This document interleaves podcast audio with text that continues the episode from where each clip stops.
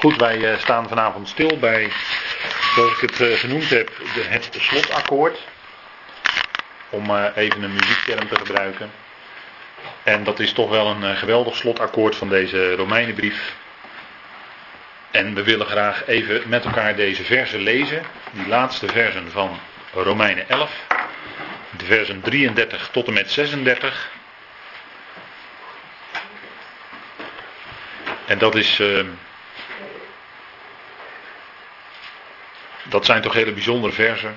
Als uh, de apostel terugkijkt op de hoofdstukken 9 tot en met 11, de wegen die God gaat met zijn volk. Maar uitgebreider is natuurlijk de wegen die hij met de hele mensheid gaat.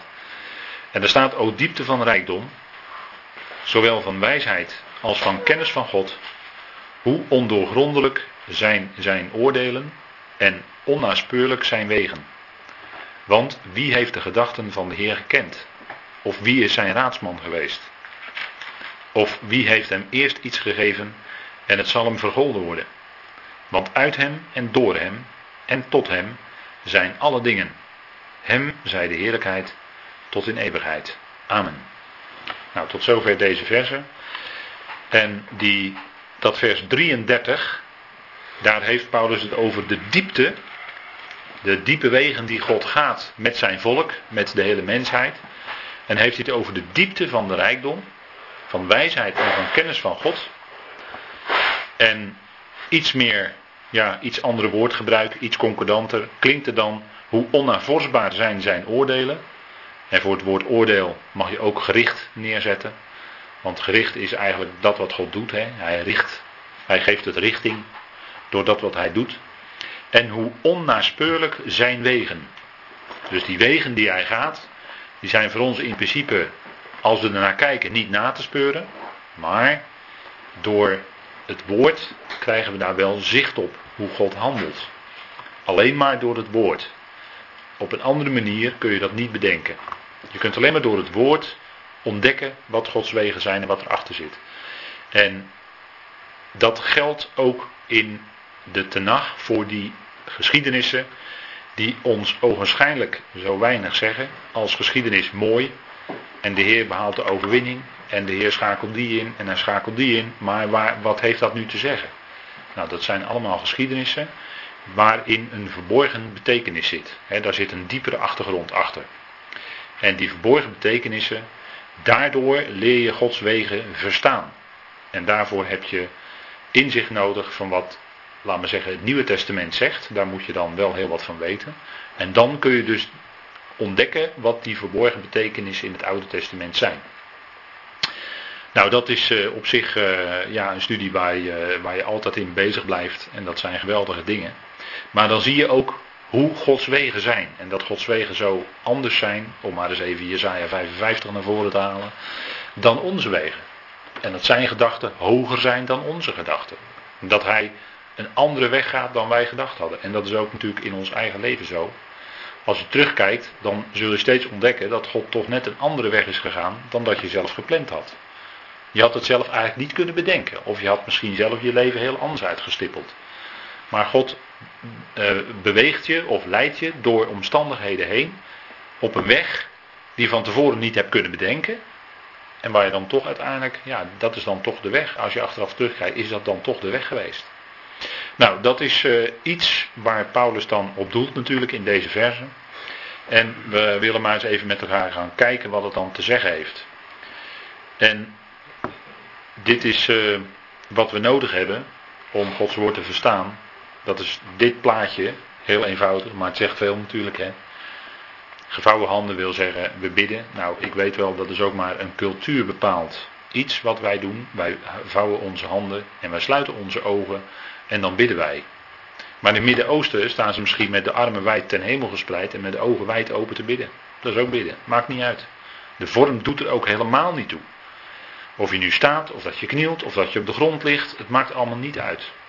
Want het gaat bij ons om het geestelijke contact wat we hebben met de Heer. En dan doet het de uiterlijke lichamelijke houding doet er eigenlijk helemaal niet toe. Nou goed, dat even als eh, bijzaak erbij vermeld. Maar gebed, hè? Want Paulus die bidt in zijn brieven om iets bijzonders. dit is een bekende tekst uit Efeze 1. Hij bidt om een geest.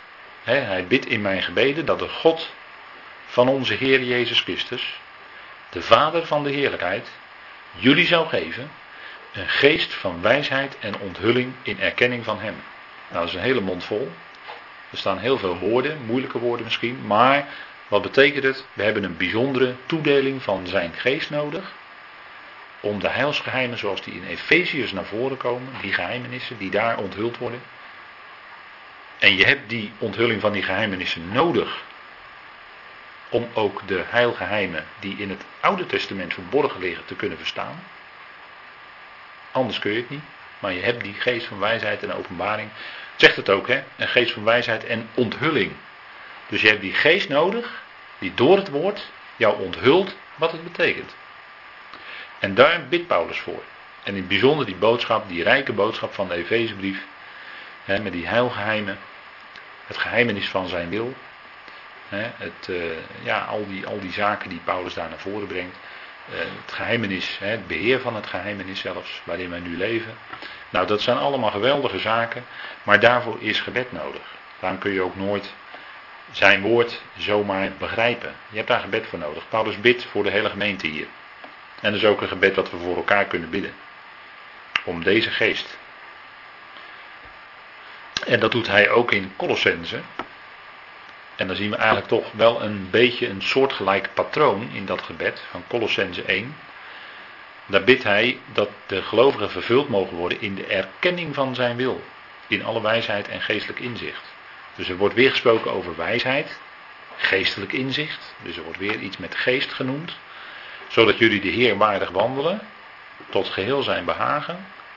In alle goed werk vruchtdragend en groeiend in de erkenning van God. Nou, goede werken, die heeft God tevoren voorbereid dat wij daarin zouden wandelen. Dat zegt Efeze. En hier bidt Paulus dat wij in alle goed werk vrucht dragen. dat, maar daarvoor is eerst nodig de erkenning van zijn wil. In alle wijsheid en geestelijk inzicht. En daar bidt Paulus voor dat we die erkenning ontvangen. En daardoor kunnen we ook vrucht dragen in goede werken. Want je kunt wel allemaal goed, goed bedoelde dingen gaan doen. Maar dat wil nog helemaal niet zeggen dat dat de goede werken zijn die God tevoren bereid heeft. En dat je daarin vrucht draagt. dus dat is nog een heel ander verhaal. Nou, hier gaat het dus om het verstaan van het woord. We spreken hier over de diepte van rijkdom. We gaan nu niet verder over Efeze en Colossense spreken, maar de diepte van rijkdom, van wijsheid en van kennis van God. Wat is er kostbaarder dan kennis hebben van wie God is? Dat is het meest kostbare wat een mens kan bezitten. Kennis van God. En dat is niet alleen verstandelijke kennis hoor, wat Paulus hierover heeft. Want hier zit onder het, het Hebreeuwse begrip da'at. Dat betekent kennis. Maar dat betekent niet alleen puur verstandelijke kennis verzamelen. Maar het betekent omgang hebben met. Dus het is meer. Het is God kennen in de zin van met hem omgang hebben. Dus dat gaat veel dieper. En het is natuurlijk voor ons als gelovigen heel erg goed en heel erg fijn om kennis te nemen van zijn woord. En ik weet wel dat dat in eerste instantie misschien via je verstand gaat. Maar daarna komt het ook in je hart. door je ogen en je oren neem je het woord tot je. En dan komt die kennis van God ook in je hart. Nou, als je God kent, dat is het meest kostbare wat je in je leven kan meemaken. Dat je God leert kennen zoals hij werkelijk is. dat hij liefde is. En dat al zijn wegen leiden tot de erkenning van al zijn schepsel dat hij liefde is en tot eer van hem is. Nou, dat is het kostbaarste. Hè? Nou, hij is de oorsprong. hij bepaalt de oorsprong. Alles is uit God. Dat is eh, vers 36. Alle dingen zijn uit hem. En dat zou voor iedere wetenschapper het axioma moeten zijn. De, het uitgangspunt moeten zijn. Alles is uit God. En daarna kun je heel veel wetenschappelijke vondsten doen en interpreteren. Maar je moet beginnen bij het begin en dat is uit God. Dat is, hij is het begin. Hij bepaalt ook de loop. Hier, dit is een plaatje van een eh, melkwegstelsel.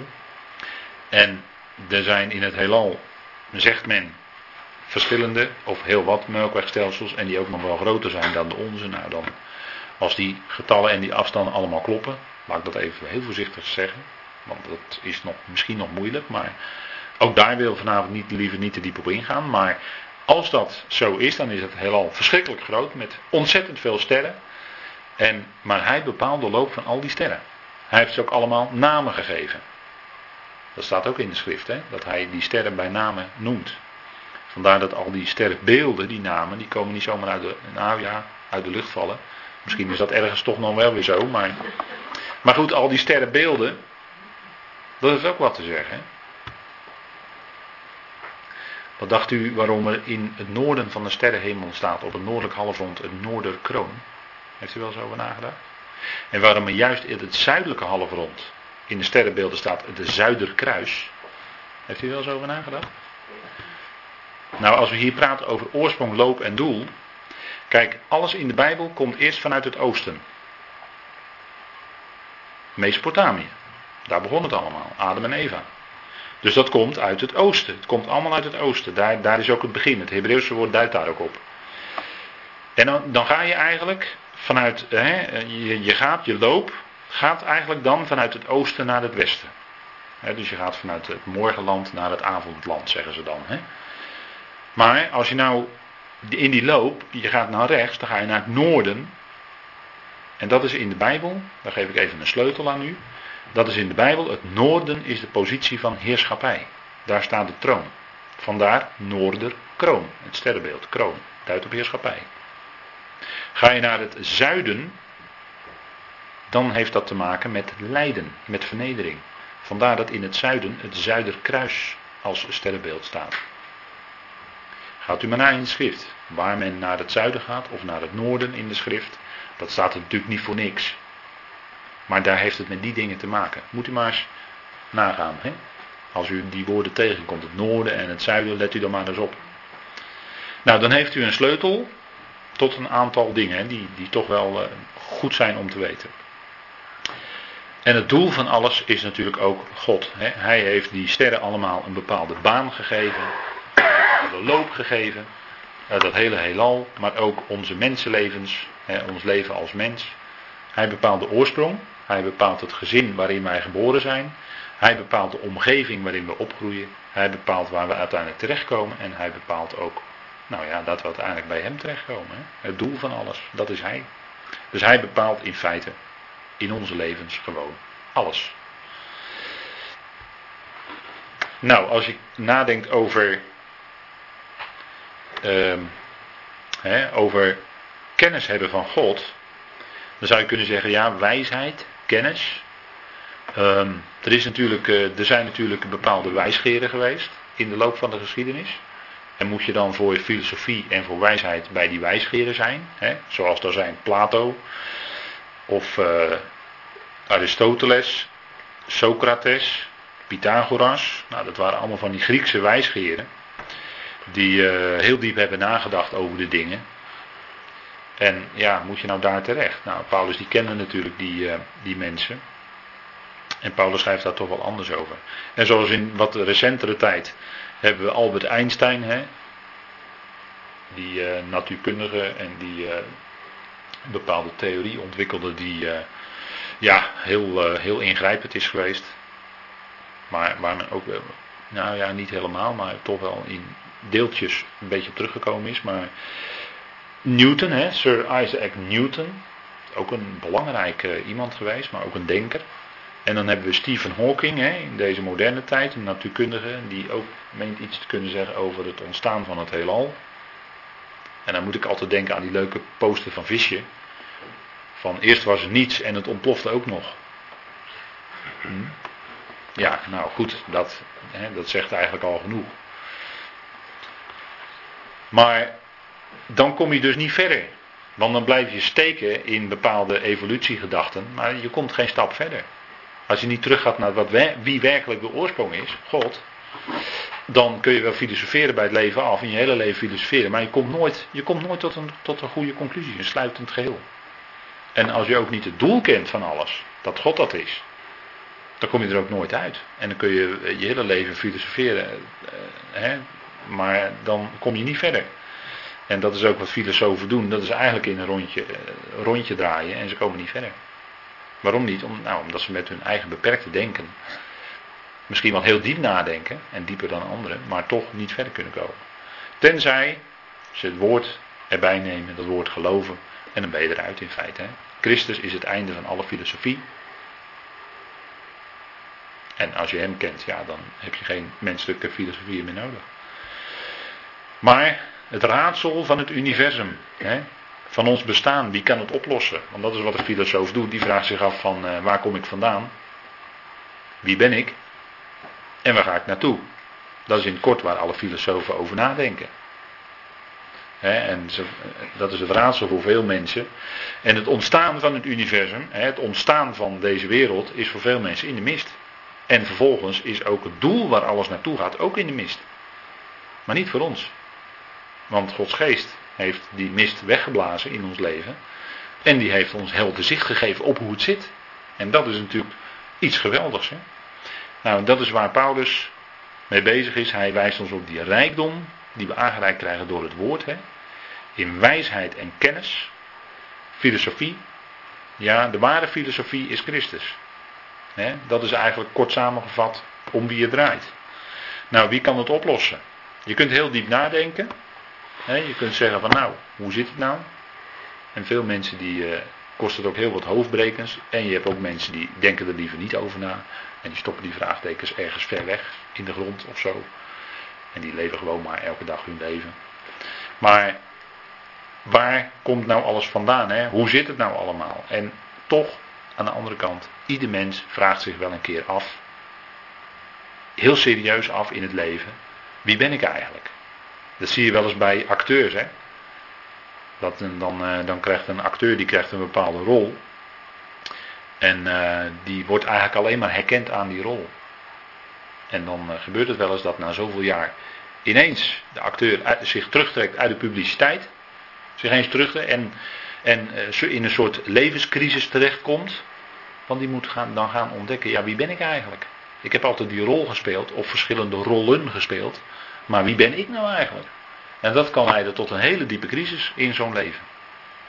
Dat zie je bij acteurs, bij filmsterren en noem maar op.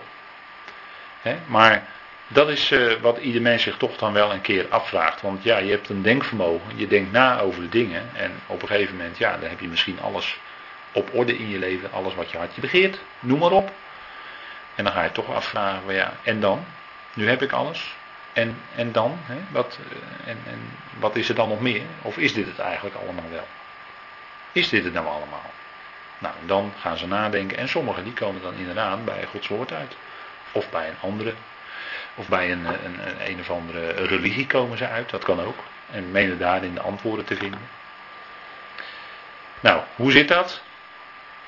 Nou, Paulus die zegt daar wel iets van. Want hij zegt in eh, de Korinthebrief, in 1 Korinthe 1. Want omdat in de wijsheid van God de wereld. En ik heb nu een aantal mensen uit de wereld dus, hè, die filosofen enzovoort. Ouder en modern de revue laten passeren door haar wijsheid God niet heeft leren kennen. Kijk, een mens kan heel diep nadenken, maar ook door dat diepe nadenken kun je niet God leren kennen. De God die wij mogen kennen is namelijk per definitie een sprekende God. Hij spreekt. En daardoor leert, leer je kennen wie hij is als je naar hem gaat luisteren. Maar ja, wij als mensen zijn uh, vaak uh, misschien liever zelf aan het woord. Of we luisteren misschien zelf liever naar andere mensen, meer dan naar God. Of we luisteren liever naar allerlei traditionele dingen. Maar Gods woord, Gods woord zelf, die bron, dat is waar we bij terecht moeten als we God willen leren kennen zoals Hij is. En dat is denk ik uh, belangrijk. Hè? Want dus de wereld, Paulus stelt hier heel nuchter vast. En dat was die wereld waarin die Griekse filosofen en hun filosofieën vooral nog enorme invloed hadden. Hij is ook op de Areopagus in Athene geweest. En uh, daar hadden ze veiligheidshalve toch maar een sokkel neergezet voor de onbekende God. En Paulus zegt nou, die onbekende God, die predik ik jullie. Maar die filosofen konden door hun wijsheid, door hun filosofie, hun nadenken, God niet leren kennen. En dat is wat Paulus gewoon heel nuchter vaststelt. En dit stelt hij ook vast in diezelfde Korinthebrief, maar dan een hoofdstuk verder. En dan zeggen mensen wel eens, hè, als, als mensen uh, nadenken over, ja, hoe zit het nou met Gods plan? Waar werkt God nou naartoe? Wat gaat hij nou doen? Uh, hemel of hel? Uh, is er wel een hel? of is de verzoening van allen toch de juiste boodschap? Ja of nee? Nou, dan zegt men, ja, wat in geen mensenhart is opgekomen. En dan wordt, dan wordt, het dan, daar wordt dan soms een discussie of een gesprek mee afgedekt. Hè, van wat in een mensenhart niet is opgekomen, dat heeft God bereid. Maar het is niet in ons hart opgekomen. En dan, daarmee zegt men in feite van, we weten het niet. Maar dan zeg ik van ja, maar dan moet je één vers verder ook lezen. Je moet doorlezen. Want Paulus zegt, God heeft het geopenbaard door zijn geest. De geest immers onderzoekt alle dingen, zelfs de diepten van God. Kijk, en dan komen we dus bij God heeft het geopenbaard door zijn geest. En dat is dus voor ons door zijn woord. Heeft God het geopenbaard. Die schriften die we hebben, die maken ons duidelijk hoe het zit. En kun je daar God op uh, bevragen? Ja, ga God maar vragen of hij je duidelijk wil maken wat zijn plannen zijn en hoe het zit in zijn plan. En ga vervolgens zijn woord bestuderen. En dan kom je er wel achter hoe het zit. want als je echt oprecht als gelovige zoekt naar de waarheid, dan zul je hem vinden. Wie zoekt, zal vinden, zegt de Jezus. Als je oprecht zoekt naar de waarheid in zijn woord, dan zul je die waarheid vinden. Absoluut.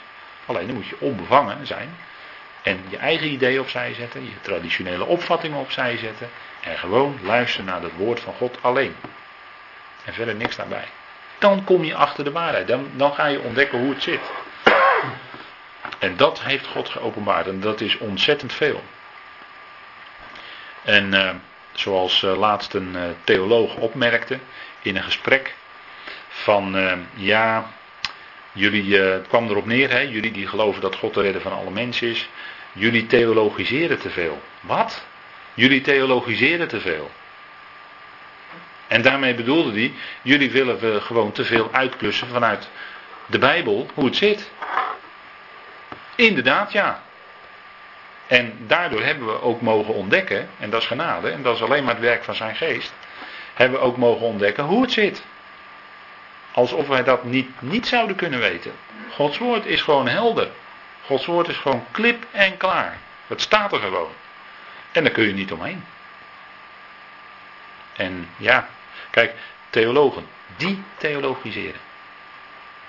Weet u, die, vaak is het zo bij theologen dat ze zeggen van ja, dat is een mooi stukje uit Gods woord en dat staat er wel zo, maar je moet het eigenlijk anders opvatten.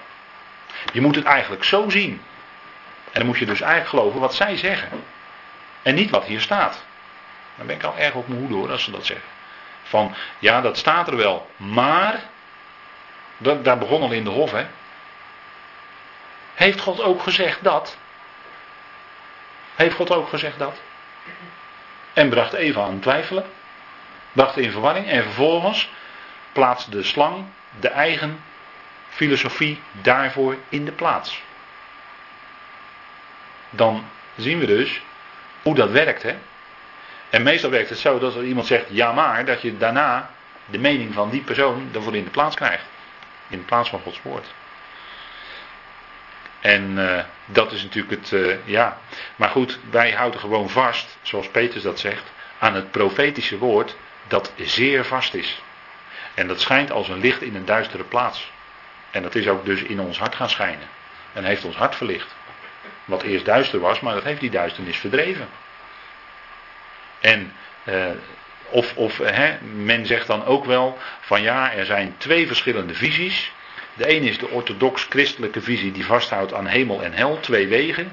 En de andere visie is degene die geloven in de alverzoening, hè, zoals het al gezegd wordt. En die twee visies moet je dan naast elkaar laten staan.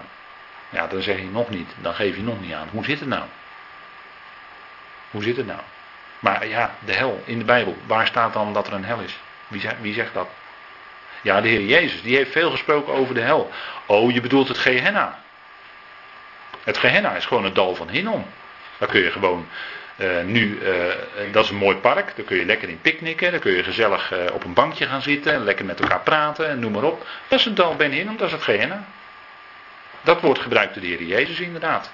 Ja, maar wacht even, die rijke man en die arme Lazarus, ja, dat gaat over de Hades. Het dodenrijk wordt er dan vertaald in NBG-vertaling, dodenrijk. Ja, maar die spraken toch met elkaar? Ja, maar wacht even, dat is hem nou juist.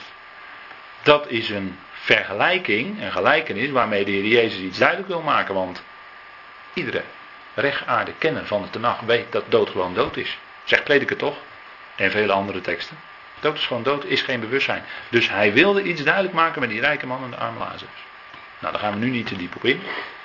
Maar het heeft natuurlijk te maken met zijn eigen volk. Dat was een rijke man. Was rijk. Volken was rijk. En die arme Lazarus, ja, dat staat eigenlijk voor de gelovigen uit het volk. Hè. Die rijke man was eigenlijk farisee en schriftgeleerde. En die arme Lazarus was de gelovige. Maar heeft, er zit ook nog heel veel in die naam Lazarus. Dat heeft ook nog een hele betekenis. Maar die twee dingen was de Heer Jezus constant tegenover elkaar aan het zetten. Die, die fariseeën, schriftgeleerde, die, die rijke man. En die arme Lazarus, die gelovige. En die was in de schoot van Abraham. Die geloofde dus. En die had dus die zegeningen van Abraham. Nou goed, gaan we niet verder op in. Maar zo zegt men, ja, de Heer Jezus heeft vaak over de hel gesproken.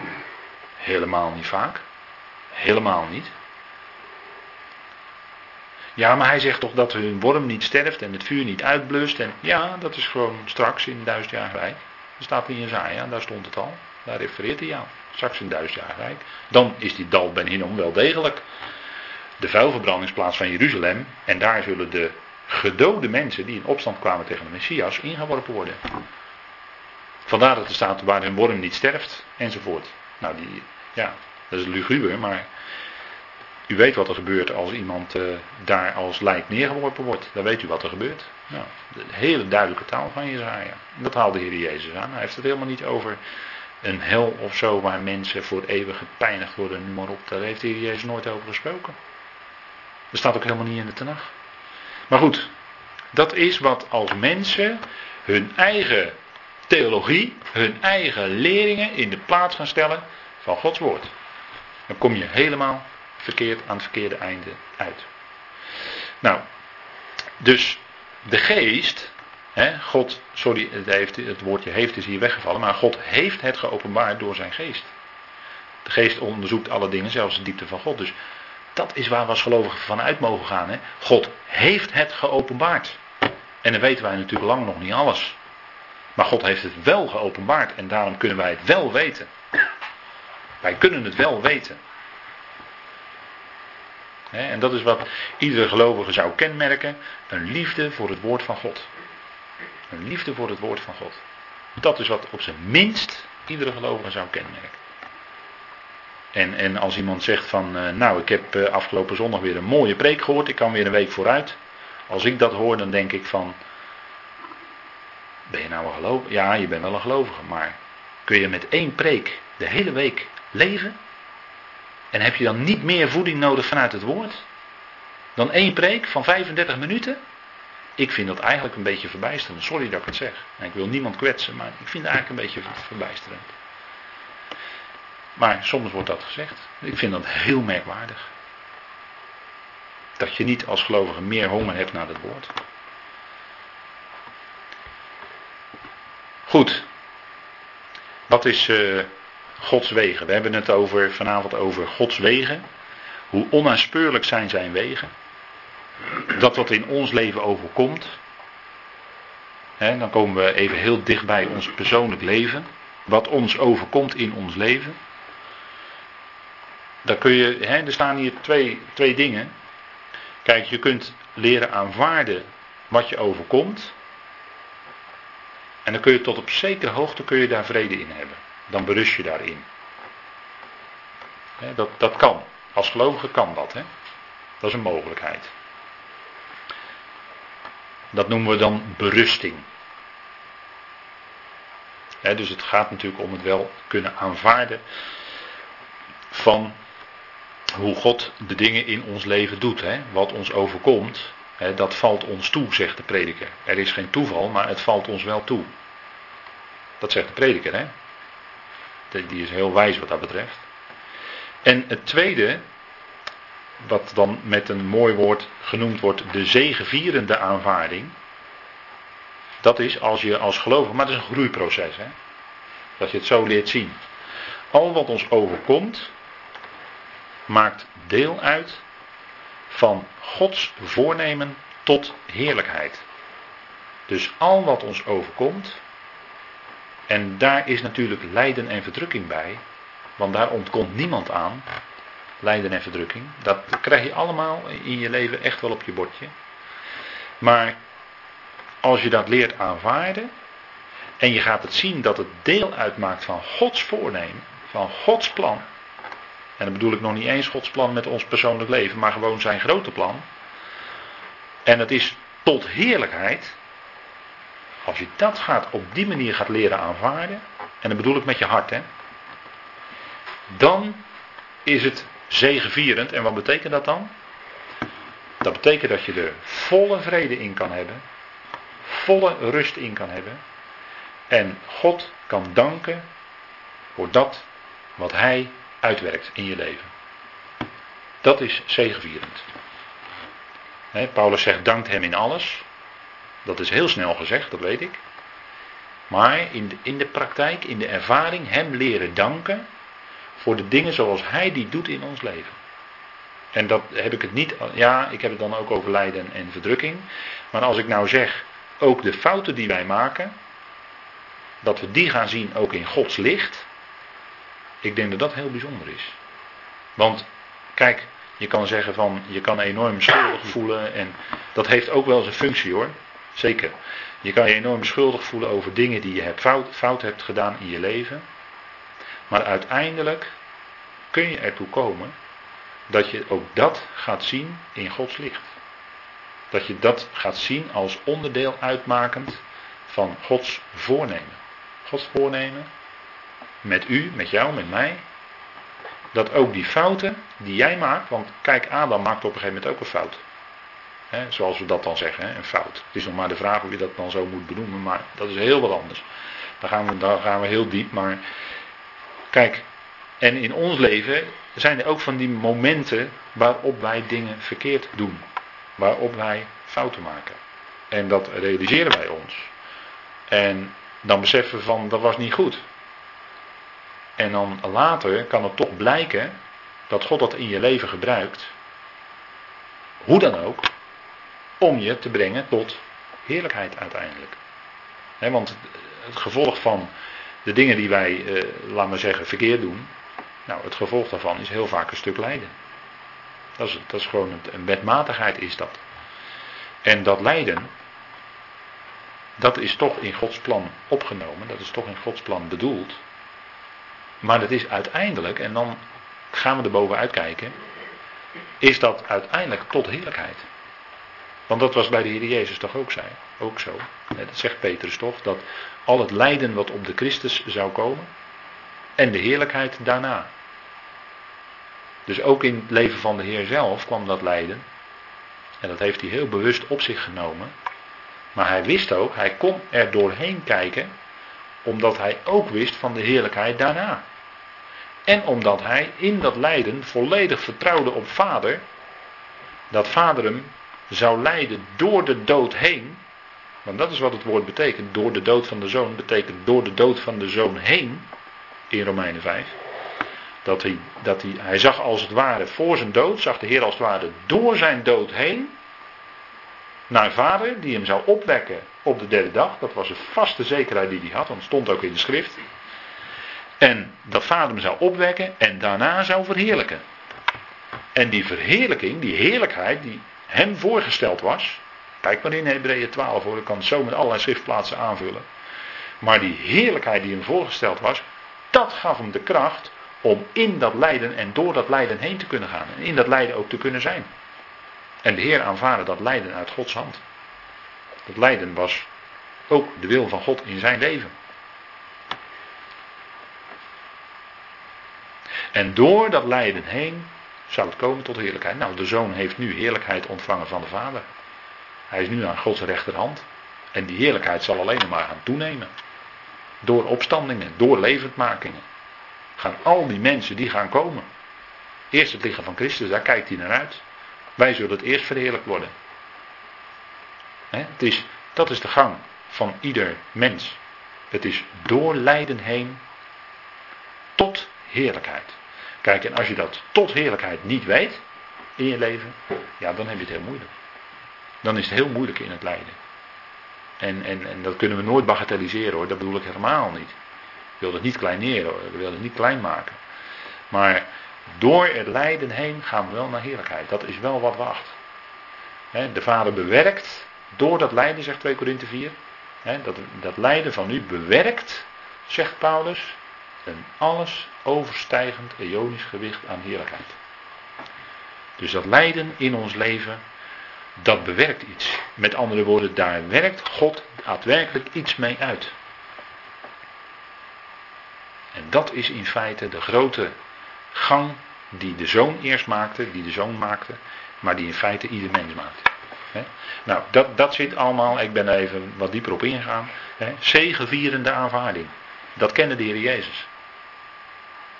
En daarom kon hij zijn discipelen, staat er in Johannes 13 vers 1, kon hij zijn discipelen ook lief hebben tot het einde. Omdat hij wist dat er een Judas moest zijn, hij wist dat er een Petrus moest zijn die hem zou verloochenen. Al dat lijden van degenen die hem dichtstbij stonden. Hij kon dat verdragen. Waarom? Hij kon dat dragen omdat hij zag op die heerlijkheid die vader hem had voorgesteld. In zijn loop, hè, aan het einde van zijn loopbaan. Zijn aardse loopbaan. Nou, dat is denk ik wat, uh, wat wij uh, zien ook als wij in grote stappen door de Romeinenbrief heen lopen. Hè, als we even dat begrip heerlijkheid vasthouden, want daar hebben we nu even over gesproken met elkaar. Hè, ieder mens die mist de heerlijkheid van God. Nou, is in plaats van Gustave Doré. U weet wel waar dit op slaat, hè? Het eerste mensenpaar weg uit de hof, mochten niet meer komen.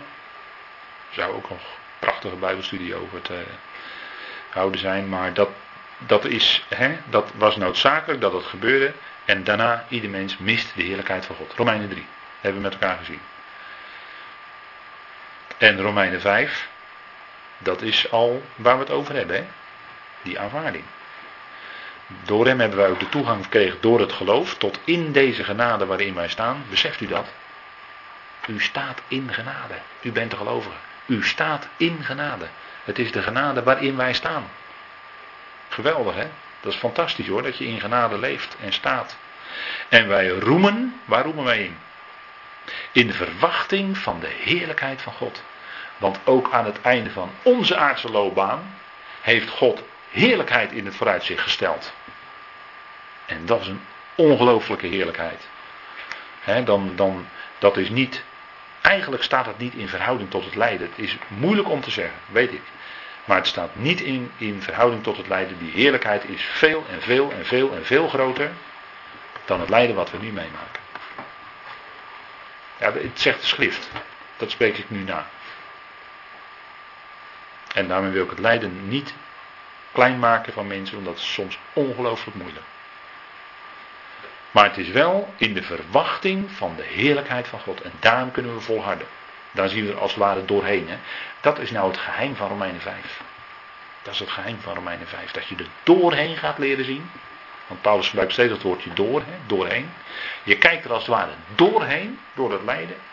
En je ziet in de toekomst die heerlijkheid die God gaat geven. En die heerlijkheid is vast en zeker. Is, daar is geen twijfel mogelijk heerlijkheid die gaat komen, onherroepelijk, absoluut. Iedere seconde brengt ons dichterbij. Iedere dag brengt ons dichterbij. Bij die heerlijkheid. Nou, en we mogen nu al staan in die genade. Dat is ongelooflijk, hè? En dan Romeinen 8, ja, dat is natuurlijk helemaal geweldig. iemand die zei eens een keer tegen mij: Joh, weet je dat je in je leven wel vijf keer gepreekt hebt over Romeinen 8? Toen keek ik hem zo aan, zo heel veel baas van. Ja, wel diverse keren, maar zoveel keren dat had ik me niet eens gerealiseerd. Nou, iemand had het bijgehouden, het zal wel, maar het is ook een geweldig hoofdstuk. Waarvan ik altijd zeg: met dit hoofdstuk kun je leven en sterven. Met Romeinen 8, daar zit alles in. Verleden, heden, toekomst, heerlijkheid, alles. En nou, wat, wat zegt Paulus dan? Die verwachting, hebben we net in het vorige vers gezien, de verwachting dat ook de schepping, dus niet alleen wij persoonlijk als gelovigen weten dat, maar we mogen dat ook zelfs weten voor die hele schepping. Hè, dat de schepping zelf zal bevrijd worden van de slavernij Want wat we nu om ons heen zien is allemaal slavernij aan het verderf, allemaal slavernij aan de vergankelijkheid. Alles vergaat, alles hoe schoon ook zegt het lied, zal eenmaal vergaan. Dat is ook zo. En deze oude schepping die gaat ook voorbij, gelukkig wel. Maar er wacht wel iets nieuws, de vrijheid van de heerlijkheid van de kinderen van God. En die heerlijkheid gaan die kinderen van God, wij gaan als eerste dat ervaren. En dat zal iets enorms zijn wat dan in de schepping geopenbaard wordt. Dat wij als zonen Gods geopenbaard zullen worden in de schepping. Nou, wij zullen bevrijd worden tot de vrijheid van de heerlijkheid van de kinderen God. Bevrijd van die slavernij. Geweldig. En die heerlijkheid die wacht niet alleen ons, maar de hele schepping. Want het is niet alleen ons, we zijn niet alleen, uh, hè, we zijn niet uh, egoïstisch. Nee, het is voor de hele schepping. Paulus schrijft voor de hele schepping. De hele schepping gaat delen in die alles overstaande heerlijkheid van God. Dat is ongelooflijk wat dan gaat komen. En als je daar iets van beseft in je hart, en dat gaat op een gegeven moment je hele wezen vervullen, dan kun je dat lijden ondergaan en verdrukking ondergaan. Op een manier waarvan je zelf misschien versteld staat. Dat je het zo kan ondergaan. Maar dat is dan de kracht die God geeft, zeg ik er gelijk bij. Dat kun je niet uit jezelf. Maar dat is de kracht die God geeft. Maar deze boodschap, die hebben we nodig, want die geeft ons kracht in het lijden. Hè? Die zorgt ervoor dat wij kunnen blijven staan onder dat lijden en onder die verdrukking. Dat is die kracht. Die kracht zit in de boodschap. De evangelie is een kracht van God tot redding. Nou, dat is ook hiertoe, hè, tot heerlijkheid. En dat is, en dat waar, waar ik al op gedoeld heb, hè, het basis en fundament van de heerlijkheid van God is het kruis. En er stonden er geen drie, maar vijf op Golgotha. En daar, zouden we ook, uh, ja, daar zou ook nog heel veel over te zeggen zijn. Maar goed, waarom het dan die één is met die vier. Maar goed, het fundament van de heerlijkheid van God is het kruis. Vijf kruisen, dit is in Frankrijk, hè, bij Plouzébert of zo. En um, dus er waren wel meer gelovigen die dat hebben geweten hoor, dat er vijf kruisen waren. En dan ook het geopende graf, hè? dat is natuurlijk ook het evangelie. Want zonder geopend graf heb je geen evangelie. Dat is alleen maar met een geopend graf. Dus hier zien we al het lijden, het kruis. En het moest er zijn, het is noodzakelijk, was noodzakelijk in Gods plan. Maar ook de heerlijkheid, de opstanding, de levendmaking. Nou, dat is natuurlijk uh, het basis en het fundament van de heerlijkheid van God. Want die verheerlijking van de schepping zal leiden tot en is tot eer van God natuurlijk. Hè. Zal alles helemaal tot eer van God zijn.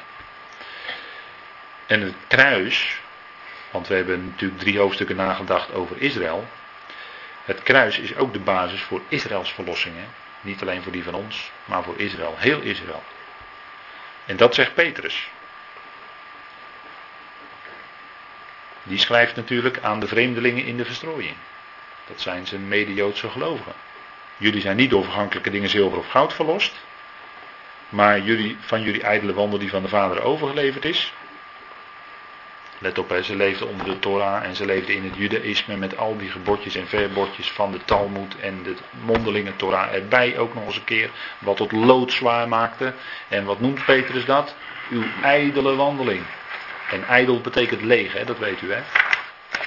Dus ondanks al hun, goed bedoelen, ondanks al hun best doen, ondanks al hun willen houden aan de Torah enzovoort. Wat zegt Petrus? Het is uw ijdele wandeling. Het is een ijdele wandel, het is leeg, het is religie. Het is een religieus systeem. Daarvan zijn ze vrijgekocht. Zegt Petrus. Nou, die kende de zaak van binnenuit. Maar door het kostbare bloed van Christus, als van een onberispelijk en onbevlekt lammetje. Nou, dat is geweldig, hè? Dat ze, ze waren vrijgekocht door het kostbare bloed van Christus. Dat is meer waard dan alle rijkdom van de hele wereld. Want dat bevrijdt. Dat zorgt voor die bevrijding. Het lijden van Christus zorgt voor de bevrijding van de hele schepping. Dus dat is meer waard dan al het goud en geld en, en bezit van de hele wereld. Het, vandaar het kostbare bloed van Christus. Het is zijn werk. Het is zijn lijden geweest. En ook natuurlijk zijn opstanding. Hè? Want er wordt hier gesproken niet over het bloed van Jezus. Even scherp lezen. Hè? Het wordt hier gesproken over het bloed van Christus. Dat wil zeggen, hij die nu de opgestaan is. De verheerlijkte, de gezalfde. Dat wil zeggen, hij is, hij is opgewekt. Dat zit er ook in, hè, het bloed van Christus. Als van een onberispelijk en onbevlekt lam. Nou, dat is dus de basis, hè, ook voor Israëls verlossing. Het kruis en de opstanding van Christus. is de basis voor alle verlossing. Hoe je dan ook maar ziet, maar het is zijn werk. Nou, vandaar dat Paulus niet anders kan dan zeggen, o diepte van rijkdom en wijsheid en kennis van God. Hoe onnavolgbaar zijn zijn oordelen, hoe onnaspeurlijk zijn wegen. Dat is natuurlijk een geweldige boodschap, die, en er zit een geweldige lading in die woorden. Nou, ik stel voor dat we dit even met elkaar verwerken. We gaan even pauzeren en dan gaan we straks met elkaar weer verder.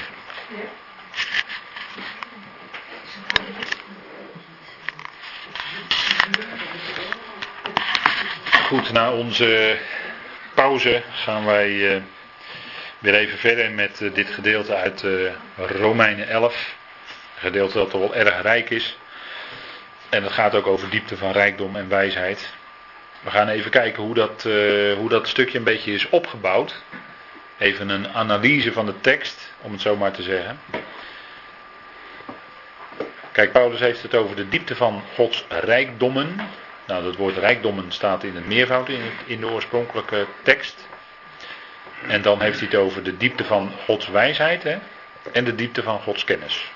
Dus het heeft uh, drie verschillende facetten.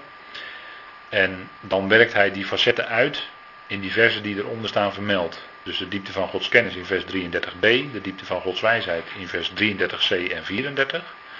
En de diepte van Gods rijkdommen in vers 5 en 36. Dus dat is eventjes een uh, kleine uitwerking van de tekst. Nou, de diepte van Gods kennis, dat vinden we in de opmerking of in de zin hoe onnavorsbaar zijn zijn oordelen. Nou, iets navorsen. Vorsen betekent iets diep ernstig onderzoeken. En, dus, en navorsen is dan nog iets sterker begrip. En dan uh, zegt Paulus eigenlijk hoe onnavorsbaar. Hè? Je kunt er heel diep onderzoeken, maar zijn bedoelingen ermee, met zijn gerichten, daar kom je niet zo 1, 2, 3 achter. Zo, niet zo als mens. Pas door het woord kom je verder. Ga je ontdekken hoe dat zit. Want op zich, zo voor de mens, is dat eigenlijk niet te doorgronden. En dat is ook wat uh, natuurlijk uh, wij al even aangehaald hebben vanuit Jezaja. Maar de gelovigen van Israël, kijk, wij denken misschien bij oordelen aan dit. Donkerheid, vuur, duisternis, moeilijk. En je kunt er niet doorheen kijken. Maar de gelovigen van Israël, die erkenden wel de juistheid van Gods oordelen. Psalm 36 zegt bijvoorbeeld: Uw gerechtigheid is als de machtige bergen. Er wil eens nagedacht als u in de bergen bent, dat u aan Gods gerechtigheid denkt. Nou, die vergelijking zit dus wel in de schrift. Dat het zijn gerechtigheid is. Hè? Net zoals die bergen vaststaan en hoog en majestueus, zo is ook zijn gerechtigheid. En zijn gerechtigheid wordt natuurlijk door bij God, komt voort uit zijn liefde. Maar zo vast en zo majestueus als die bergen zijn, zo is ook zijn gerechtigheid. Nou, dat zegt die psalm. Uw oordelen zijn als de grote watervloed. Mensen en dieren verlost u, Jaweh. Dus hier zien we al een aanwijzing. Hier wordt gesproken over gerichten. En dat komt over je heen als water. Hè, als een watervloed. Zoals bij Noach dat ook kwam. Was ook een gericht. Hè. Was een groot watergericht. Daarvoor tussen Genesis 1 vers 1 en 1 vers 2 kwam zelfs de hele wereld onder water te staan. De hemel en de aarde. Hoe je dat moet voorstellen. Ik vind het altijd heel moeilijk om dat voor te stellen. Maar in ieder geval staat er wel. En Petrus die zegt daar ook nog iets van. Maar de gerichten zijn als een grote watervloed. Dus het komt over mensen heen. En zelfs ook over dieren bij Noach. Maar uiteindelijk zit hier wel iets in van de richting van het gericht van God. Namelijk dat het tot verlossing leidt. Hè? Mensen en dieren, verlost u, Yahweh. Dus kennelijk leiden die gerichten van God tot een stuk verlossing. Leidt het tot verlossing van mens en dier. En dat is ook wat de gerichten van God doen. Die zijn altijd ter correctie. En die leiden uiteindelijk tot redding. Vaak wordt er gedacht in de traditionele leringen dat een gericht is dat, dat mensen voor eeuwig verloren gaan.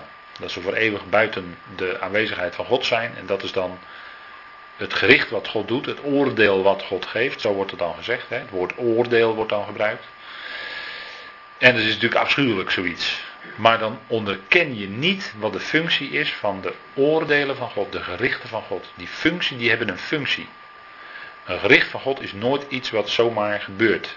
Dat is altijd herstellend. Het is ter correctie. Het is uit, en uiteindelijk leidt het tot Gods heerlijkheid. Dus de gerichten van God zijn ter correctie. Dus als God een gericht inzet, dan is dat meestal snel. Kijk maar naar het boek Openbaring. Daarvan staat dat als die dingen gaan gebeuren, dan gaat het heel snel. En kijk maar eens hoe snel in onze tijd, in een heel aantal landen in het Midden-Oosten, zich iets voltrekt. Dat gaat heel erg snel. Daarin zien we dus al iets van hoe het in de eindtijd, waar openbaring over schrijft, zal gaan. Dat als die gerichten plaatsvinden, gaat het ongelooflijk snel. En dat is ook het karakter van Gods gerichten. Dat is nooit langdurig, dat is altijd kort, diep ingrijpend en tot herstel uiteindelijk. Nou, dat, daar zit hier al iets in deze tekst van. Hè? Nou, in Psalm 19 staat dat ook. Hè? Psalm 19 is een prachtige, echt een schitterende psalm. De vrezen van Yahweh is rein, staat er. Zij houdt stand in de toekomst. De oordelen van Yahweh zijn waarheid. Met elkaar zijn zij rechtvaardig. dat wordt het woord, uh, daar zit het woord tzedaka achter. Tzedaka. Gerechtigheid, rechtvaardig. Tzadik. En dat wil zeggen, het is correctief. Het zet recht. Het brengt terecht.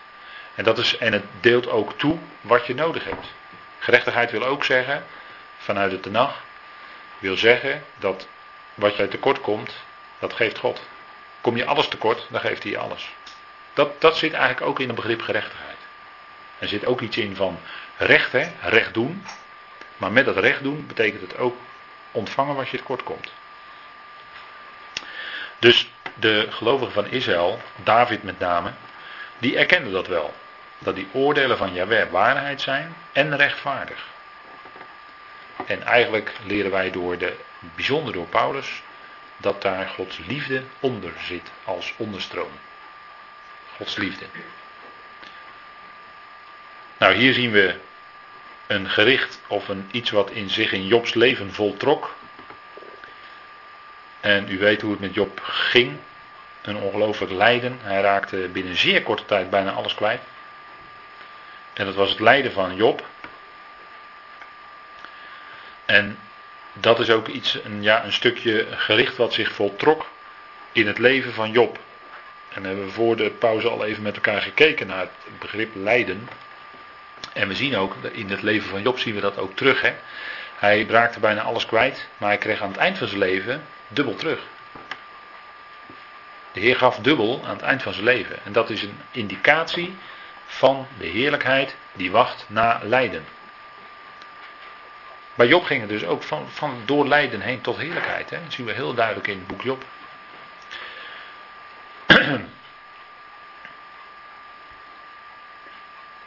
En Paulus die zegt ook iets bijzonders in Filippenzen 1. En dat zegt hij dan tegen ons als gelovigen. Want aan u is het uit genade gegeven. Let op die genade. Voor Christus. Niet alleen in hem te geloven. Maar ook voor hem te lijden. Dus zowel, die, zowel dat geloof als, die, als dat lijden. Dat is allebei genade. Dringt het tot u door wat hier staat? Paulus zegt, want aan u is het uit genade gegeven. Het is dus iets wat we uit genade ontvangen. Niet alleen het geloof, maar zegt maar ook voor hem te lijden. Dus Paulus ervoer dat lijden wat hij deed voor Christus als genade. Dat zag hij als genade. Dat is heel bijzonder, denk ik, hè, wat hier staat. En uh, dat is voor ons als gelovigen niet zo. Ja, dat, dat is natuurlijk niet zoiets wat je 1, 2, 3. Wat je 1, 2, 3 met je volle hart. Meebeleid met Paulus. Dit, dat het genade is. Zowel het geloof als het lijden wat over je leven komt. Voor hem, lijden voor hem. Dat je dat gaat zien als genade. Ik denk dat dat uh, heel, iets is wat heel diep gaat. Nou, de diepte van Gods wijsheid. Dat, uh, dat zien we terug in dat Paulus zegt. Hoe onnaspeurlijk zijn wegen. Dus de wegen die God gaat. Uh, misschien voor ons heel moeilijk te begrijpen. Maar die hebben te maken met zijn wijsheid. De weg die hij gaat met deze schepping. De weg die hij gaat met het volk Israël. De weg die hij gaat met ons, onze levensweg. Dat is zijn wijsheid. En zijn wijs, bij God zijn wijsheid en liefde altijd gecombineerd. Dus die wijsheid van God is nooit los te koppelen van zijn liefde. Je moet het altijd zien samen met zijn liefde. Dus het is liefde en wijsheid. En daardoor bepaalt God je weg. Dus zijn liefde en zijn wijsheid zitten daaronder, zitten daarachter. De weg die hij gaat. En dat geldt ook, en dat vragen veel mensen zich af, ja, waarom is dat wereldgebeuren als je wat leert kennen van de geschiedenis, de algemene geschiedenis van de mensheid, hoe dat dan allemaal gegaan is, dan zijn het hele wonderlijke dingen die gebeuren. De opkomst en ondergang van wereldrijken. Ja, het is toch iets wat God in zijn hand heeft en wat niet buiten hem omgaat, maar waar iets van zijn wijsheid, of heel veel van zijn wijsheid moet ik eigenlijk zeggen, onder zit. Hè?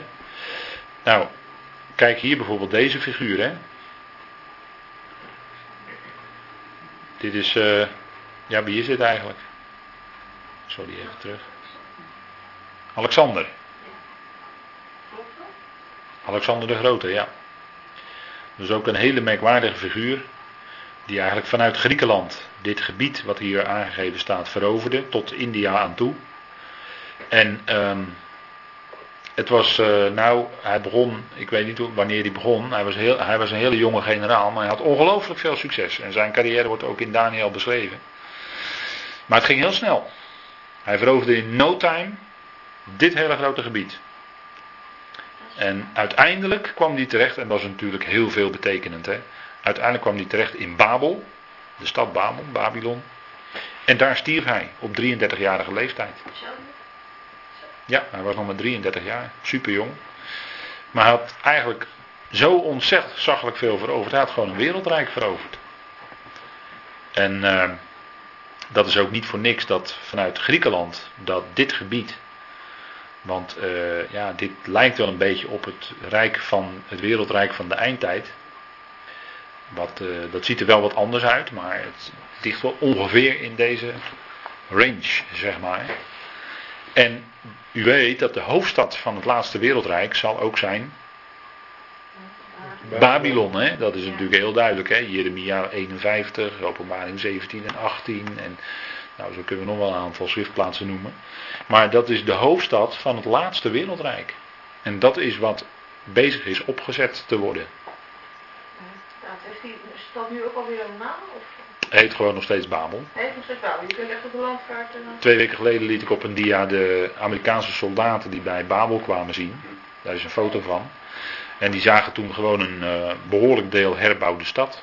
Dus die stad is er gewoon. En die is ook onder Saddam Hussein is die herbouwd. Dat was eind jaren 70, begin jaren 80 begon dat. En dat zorgde wel voor wat beroering. Want ja, uh, daar gaan we weer. Men had altijd gezegd, Babel is Rome. Maar er staat Babel, er staat geen Rome. Dat is gewoon een heel simpele zaak. Dus, en toen bleek dus dat het Babel inderdaad door, door uh, Saddam Hussein herbouwd werd.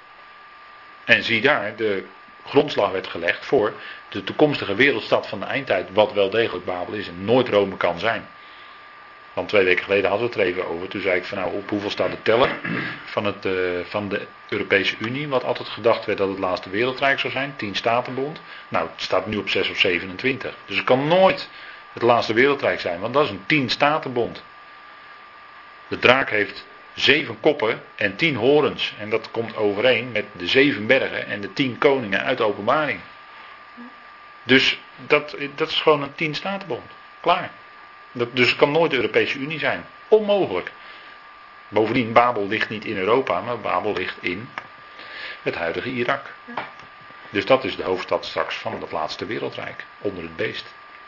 Absoluut, de schrift zegt het gewoon. Het is helemaal niet moeilijk, maar.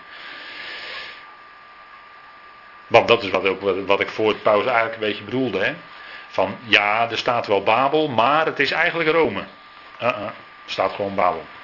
God bedoelt gewoon wat hij zegt. Heel simpel. En dat is gewoon een heel eenvoudige zaak. Dus zo is het met al die dingen hoor.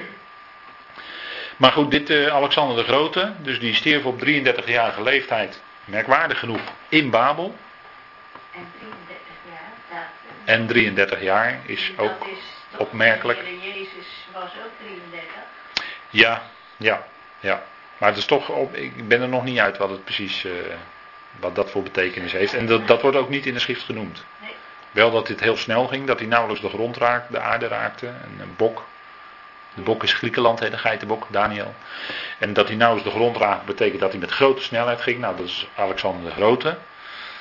En uh, ja, wat we in de toekomst zullen zien, dat is ook wat broeder nog in zijn commentaar op Daniel zegt. Een groter rijk, groter vanuit Griekenland hersteld rijk. Nou, als we dus hier kijken hoe dat is opgebouwd vanuit Griekenland, toen de tijd, dan uh, zal dat in de nabije toekomst ook zo zijn. En dan zal het ook wel degelijk gaan om dat Midden-Oosten, het zijn landen rondom Israël natuurlijk. Hoe bedoel je dat? Die tien statenbond, dat zal zich in het Midden-Oosten gaan vormen. En dat heeft natuurlijk met Israël te maken. Israël komt onder druk, grote verdrukking. Dat is het laatste wereldrijk. die staten worden de regering omgeven. Ja, daarom is het ook zo opmerkelijk wat er nu gebeurt. Dat heeft dus met dit, dit ook te maken. Hoeveel landen zijn dat nu op? Want- Nou, een aantal landen, maar dat, kijk pas. Ja, het probleem is dat pas op het laatste moment, maar dan zijn wij al, dan zijn we al lang boven bij de Heer. Maar pas op het laatste moment gaat, die, gaat het echte team, tien, die tien staten gaan zich vormen. Maar dat is, dat is laat in de tijd. En dat zullen wij dan wel zien van bovenaf waarschijnlijk, zullen wij wel weten. Maar dat is nu, nu speelt het, het gaat zich wel afspelen in het Midden-Oosten allemaal. Dat is wel een ding wat zeker is. Ja. Want die Sjaak van Perzië moest toen ook allereerst weg. Ja, die moest ook weg. En dan kwam het uh, Khomeini voor in de plaats. Ja, ja, ja. En eh, Perzië, dat, dat had hij nou ook pas uh, hoofdstad Babel. Nee, nee, dat is Irak, hè, hoofdstad Babel. Hier. Perzië is Iran. Iran. Teheran. Teheran is de hoofdstad van uh, Iran, Perzië. Ja. Maar goed, uh, dat, dat, dus die tien statenbond gaat zich in de eindtijd dan vormen. En dat zal dus op het laatste later duidelijk worden welke landen dat zijn. En dan, goed, heb je de koning van het noorden, de koning van het zuiden en die oorlogen, Daniel 11, ja. Maar dat is een heel erg moeilijk hoofdstuk, Daniel 11. Heel moeilijk. Dus daar gaan we nu niet op in, want uh, dat is uh, veel te ingewikkeld. En de Azteken, dat is ook zo'n wereldrijk. Kan je ook afvragen, ja, waarom is dat er geweest? Dat heeft zich natuurlijk afgespeeld. Dit is allemaal te zien in Mexico. Hè?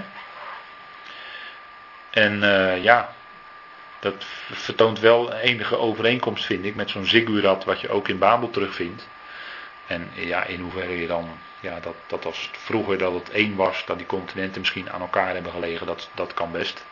Dat kun je dan wel terugzien, ook op de wereldkaart. Maar dat is ook zo'n wereldrijk wat is gekomen en weer ten onder is gegaan. Net zoals Rome opkwam en weer ten onder ging. Maar dat is toch zijn wijsheid. Dat is toch Gods wijsheid. Hè? Dat zijn zijn wegen met deze wereld. Ja. Ziggurat, wat is dat? En ziggurat, dat is zo'n trapsgewijze, zo'n trapsgewijze opbouw van zo'n tempel. Ja, waar de koningin dus, geweest is. De ziggurat noemen ze dat. Dus dat wil zeggen dat het zo... Dat heb je in Babel dus ook, zo'n dat soort torens. Zoiets, dat lijkt daar wel op. Dus eh, misschien heeft het in, in, het verleden wel aan elkaar gelegen, alle continenten. Dat kan best.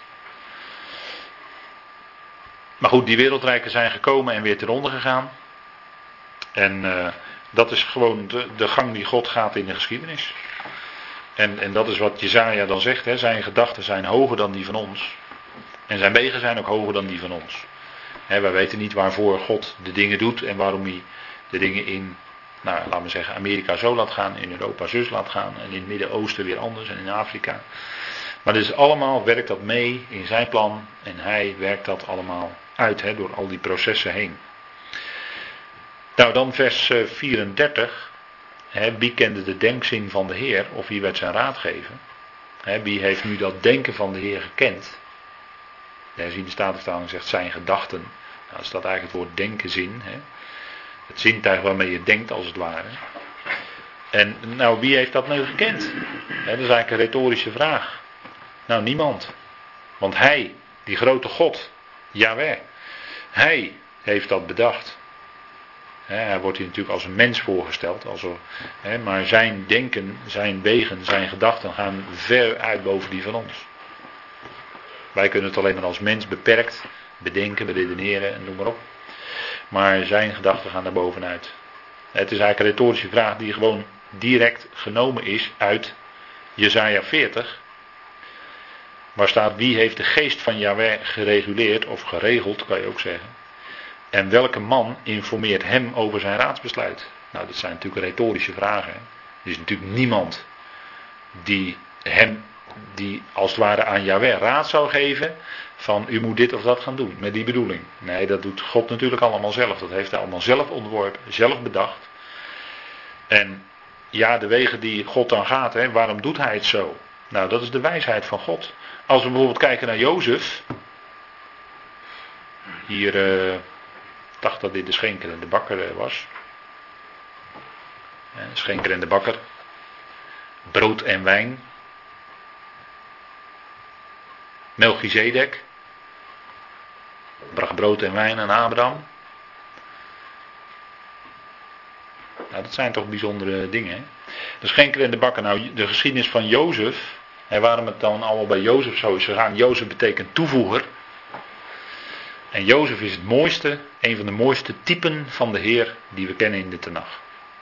Dat zelfs tot in de details van zijn leven klopt het profetisch met wat bij de Heer later in werkelijkheid vervuld zou worden. Jozef is gewoon een type van Christus, natuurlijk. En dat is Jacob in zekere zin ook en Abraham. Allemaal zijn dat beelden van hem. He, Jozef die dan uh, twee jaar in de gevangenis zat en daar dromen uitlegde. He. Jozef heeft veel te maken met dromen. Hij legde eerst een droom van de farao uit. Toen, ging, toen kwam Jozef in de gevangenis. Toen kwam hij de schenker en de bakker tegen. Die gingen ook dromen. En die legden die ook uit. En toen uh, had, uh, was er weer gedroomd. En ja, toen kwam hij uit de gevangenis uiteindelijk. Na twee jaar. Ook alweer opmerkelijk, hè, dat hij na twee jaar uit de gevangenis kwam. Nou, die twee jaar is natuurlijk gewoon een beeld van de afgelopen 2000 jaar. De verborgenheid. Er zit Jozef in de gevangenis, is hij verborgen voor de wereld. En is hetzelfde dat dat de Heer nu verheerlijkt is, ook verborgen voor de wereld. 2000 jaar lang, twee dagen dus. En straks zal hij tevoorschijn komen. En zo, zal, en zo ging het ook met Jozef. Die kwam uit de gevangenis, kwam weer tevoorschijn. En wat werd Jozef? Safnat Paanea. Wat? Hij die redt, ja, redder van de wereld, hè. Safnat Paanea. Nou, dat is toch de Heer Jezus Christus. Dat is toch de redder der wereld. Die komt dan tevoorschijn. En die zorgt dan dat er voldoende voedsel is. En in de grote verdrukking zal er een enorme hongersnood komen. En dan komt hij als de grote Jozef. En dan zal hij zorgen dat die hele wereld vanuit Israël weer voedsel krijgt. Dan zal hij zorgen dat er overal voldoende graan is. Dan zal hij voorzien in redding voor de hele wereld. Komt hij tevoorschijn. Precies hetzelfde verhaal. Dat is Jozef die tevoorschijn komt uit de gevangenis. En iedereen moet voor hem buigen. Egypte is een beeld van de wereld. De hele wereld zal buigen voor de Messias van Israël, Jezus Christus. Nou, en zo kunnen we natuurlijk nog een hele tijd doorgaan. En die hele geschiedenis van Jozef zit helemaal tot in de details vol met typen. En uh, in Egypte is ook alles dubbel. Ken u die? Er kwam uh, zeven jaar hongersnood. Er kwam zeven jaar. Er was eerst zeven jaar overvloed. En daarna kwam zeven jaar hongersnood. Waar denkt u dat het een beeld van is? En ik heb u de sleutel al gegeven. In Egypte is alles dubbel. Betekent ook Mitzrayim. Eindigt ook op een dualis uitgang. Hè? Dat het twee landen eigenlijk is. Mitzrayim. En de grote verdrukking is toch twee keer 3,5 jaar. Dus 3,5, 3,5. En je verdubbelt het, dan heb je 7, 7.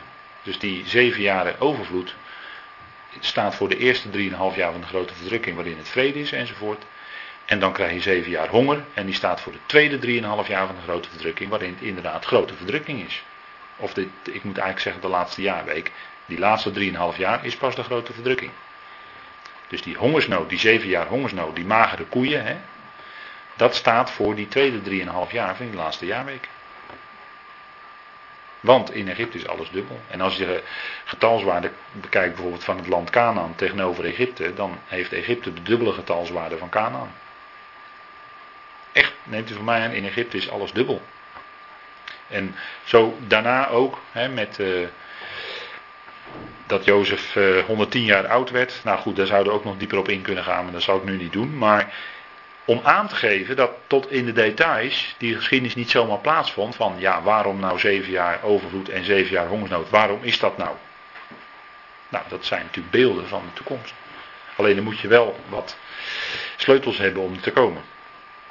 Nou, bijvoorbeeld, hè, dat, is, dat is Jozef, de toevoeger. Hij voegde graan toe, zeg maar. Hè. Hij zorgde voor graan, werd redder der wereld. En die naam toevoegen komt natuurlijk ook in alle facetten van zijn hele leven terug. als een naam wordt nooit zomaar gegeven, dat weet u wel. Dit is uh, bekende geschiedenis. Hè? Saul en David. En dan kun je natuurlijk ook afvragen, ja, waarom ging God nou die weg met het volk? Waarom kwam er nou eerst een koning Saul, Shaul, en waarom daarna David? Nou, dat komt omdat de, de regering van Saul is eigenlijk een beeld van de periode van Israël onder het oude verbond, onder de wet. En daarna komt David, en dat is een periode van Israël onder het nieuwe verbond. En dan komt de genade. Nou, hebt u zomaar weer ook een sleutel voor deze geschiedenis hè, van Saul en David. En daarom gaan we iets ontdekken van waarom God nou precies die wegen gaat. En waarom het nou zo gaat, eerst Saul en dan David. En waarom die geschiedenissen dan plaatsvinden. David in Adullam, David in Engedi enzovoort. Nou, daar kun je, dat zit natuurlijk vol met beelden, vol met profetische beelden van de toekomst. En dan als laatste de diepte van Gods rijkdommen. wie heeft hem eerst iets gegeven en het zal hem, of wie geeft hem eerst iets en het zal hem terugbetaald worden? Kunnen wij aan God iets geven? Nee. Niks. Nada. Niets. Wij kunnen helemaal niets aan hem geven. Absoluut niet. Maar hij geeft alles aan ons. Hij is de grote gever. Dus het is, wij mogen in dankbaarheid alles uit zijn hand ontvangen. En hij zal nooit een schuldenaar zijn die uh, iets aan ons verschuldigd zou zijn omdat wij iets doen waarvan hij ons terugbetalen moet. Absoluut niet. Absoluut niet. Maar hij geeft ons alles. Het is puur 100% genade. Goud, genade. Dat is het. En dat is wat, uh, wat Paulus dan roept. Hè. Nou, dit is natuurlijk het geweldige. Hè. Dit is wat we eigenlijk de hele avond al met elkaar overdenken. Dat uh, alles uit God is. Hè, omdat uit Hem en door Hem en tot Hem het alles is. Alles is uit God. Alles is door God. Daar hebben we misschien wel moeite mee. Hè? Kijk, alles is uit God. Dat zou je nog kunnen zeggen, het staat een beetje van je af. Hij is de schepper, hij is de oorsprong, alles, hij is de bron. Alles komt bij hem vandaan. Dat is allemaal prima. Maar alles is ook door hem. Dat betekent dus dat in ons leven, wat in ons leven gebeurt en hoe ons leven gaat, dat dat door hem is. Hè? Dat is ook door hem. Tot in de details aan toe is door hem. Alles. En dat is, dat, is, dat is voor ons vaak waar we als gelovigen moeite mee hebben. Ja, Heer, doet u het nou zo in mijn leven? En dan kan je mee worstelen. Dat kan. Ik zeg niet dat het, dat fout is of zo. Dat is gewoon een proces waar je in zit. Daar kun je mee worstelen. Maar blijf wel staan dat dit waar is. Romeinen 11. Alles is ook door hem. We hebben nagedacht vanavond heel, heel kort over het lijden. Ja, ten diepste ja. Dat is ook door hem. En dat is, dat is natuurlijk een, een, een belangrijk punt. Hè? Wat we heel diep in ons hart natuurlijk best weten als gelovigen. Alleen in de ervaring, in het leven, kan het soms zo moeilijk zijn. Voor ons, hè, als mens. Je ervaart het als mens en je gaat door iets heen. Een stuk lijden, verdrukking, verdriet, moeite, smart, pijn. Ik noem het even nu heel snel, maar dat is niet makkelijk. Dat zijn moeilijke wegen die God gaat. En toch uiteindelijk blijft het waar wat hier staat, dat, het, dat ook dat uiteindelijk ten diepste door hem is. Maar God dank, komt er ook een einde aan het lijden. Hè? God heeft een beperking gesteld aan het lijden. En aan het verdriet en aan de smart. Hij zal alle tranen van de ogen afwissen, staat er. En doe mij tranen in uw kruik. Nou, dan zegt u misschien, nou, dan hebben we wel een hele, hele grote kruik nodig. Nou, maakt niet uit. Die kruik bij God is groot genoeg. Daar kunnen alle tranen in. Hoeveel er ook zijn. En dat is een geweldige troost die we hebben in lijden, in verdriet. En hoewel we weten ook, ja, maar er is toch een door God gestelde beperking. En het zal leiden tot heerlijkheid. Dat is natuurlijk het geweldige. Het lijden leidt tot iets. Het is niet zinloos. Maar het is, en dat kan zo'n best dagen zijn dat je denkt van ja, wat heeft dit voor zin? Wat heeft dit nou voor zin? Misschien wel weken, misschien zeg je wel wel maanden. Of misschien wel jaren. En dan vraag je af, wat heeft dat nou voor zin? Ja, het leidt tot heerlijkheid. Toch. En natuurlijk is dat makkelijker gezegd dan, dan te ondergaan, natuurlijk. Maar we houden toch die schrift erbij. En dat is wat we naspreken. Dat is het enige wat we doen. Naspreken wat de schrift zegt. Het is ook door hem. En uiteindelijk ook, en dat is het geweldige, ook tot hem. Hè? Tot in staat er letterlijk. Tot in God. Het zal uiteindelijk tot hem leiden. Tot Theos, de plaatser, hè, die liefde is. Want God moet u altijd aan vastkoppelen. God is liefde. Hij doet het nooit fout. God maakt geen fouten. Het gaat nooit, het loopt hem nooit uit de hand. Het wereldgebeuren niet, ook in ons eigen leven niet. Het loopt hem nooit uit de hand. Dat mogen we beseffen met elkaar. Hij staat uiteindelijk verantwoordelijk voor alles. Als we praten over verantwoordelijkheid, dan is God alleen verantwoordelijk voor alles. Wij niet. Het enige wat bij ons is rekenschap. Maar dat is heel wat anders. God is ten diepste voor alles verantwoordelijk wat er gebeurt. Hij neemt daarvoor de verantwoording. Want hij zegt het in zijn woord. Dat hij ervoor de verantwoording neemt. Hij zegt het hier. Alles is uit hem, door hem, tot hem. Het zijn Gods woorden. Dus hij neemt de volle verantwoording voor alles wat er gebeurt. En al zitten wij misschien met 101 vragen op dit moment nog. Wij zullen daarop een antwoord krijgen. Is het nu niet, dan is het in de toekomst als we bij de Heer zijn, waar we alles aan de Heer mogen vragen. En dan krijgen we antwoord, absoluut zeker. Nou, de antwoorden staan ook in de schrift. Het, een stukje antwoord is denk ik toch, het leidt tot heerlijkheid. Dat is geen dooddoener, maar dat is iets geweldigs, dat is onze verwachting. Dat zal geweldig zijn, zal veel groter zijn dan alles wat wij meemaken. Nou, God neemt daarvoor de volle, volle verantwoordelijkheid. Uit hem en door hem en tot hem is alles. Maar dan ook echt alles. Daar is niets van uitgezonderd. Zo staat het hier in de tekst. En, en dat is niet anders dan zo staat het er. Nou, en uiteindelijk zeg je dan, ja, inderdaad, aan hem de heerlijkheid. Hè? Tot hem, of voor hem is de heerlijkheid tot in de Ionen. Hè? Dat tot in is gewoon gedurende alle eonen. Hij zal uit al die eonen de kostbare vrucht krijgen, die is tot heerlijkheid van hemzelf. Hij zal dat oogsten, die zware vrucht, kabot hè, in het Hebreeuws, die zware vrucht van heerlijkheid, die zal hij oogsten en het zal allemaal zijn tot eer en verheerlijking van hem. En uiteindelijk zal ook iedere tong dat beleiden. Jezus is Heer tot eer van de Vader. Hè? En, en dat is wat, waar het toe zal leiden, absoluut tot heerlijkheid van God. En dat Paulus niets anders kan zeggen dan hem zij de heerlijkheid hè, tot in de eonen. De komende twee eonen zal die heerlijkheid alleen maar meer zichtbaar gaan worden. Hier op aarde, in de hemelen. En uiteindelijk de hele schepping. Het zal één grote lofzang zijn aan God. Hè, en, dat is, en dat zal inderdaad eindeloos zijn. Nou goed, dat is eh, aan hem die heerlijkheid. Uit hem, door hem en tot hem zijn alle dingen. Hè, is het al. Nou, amen. Om met een Hebreeuws woord te eindigen.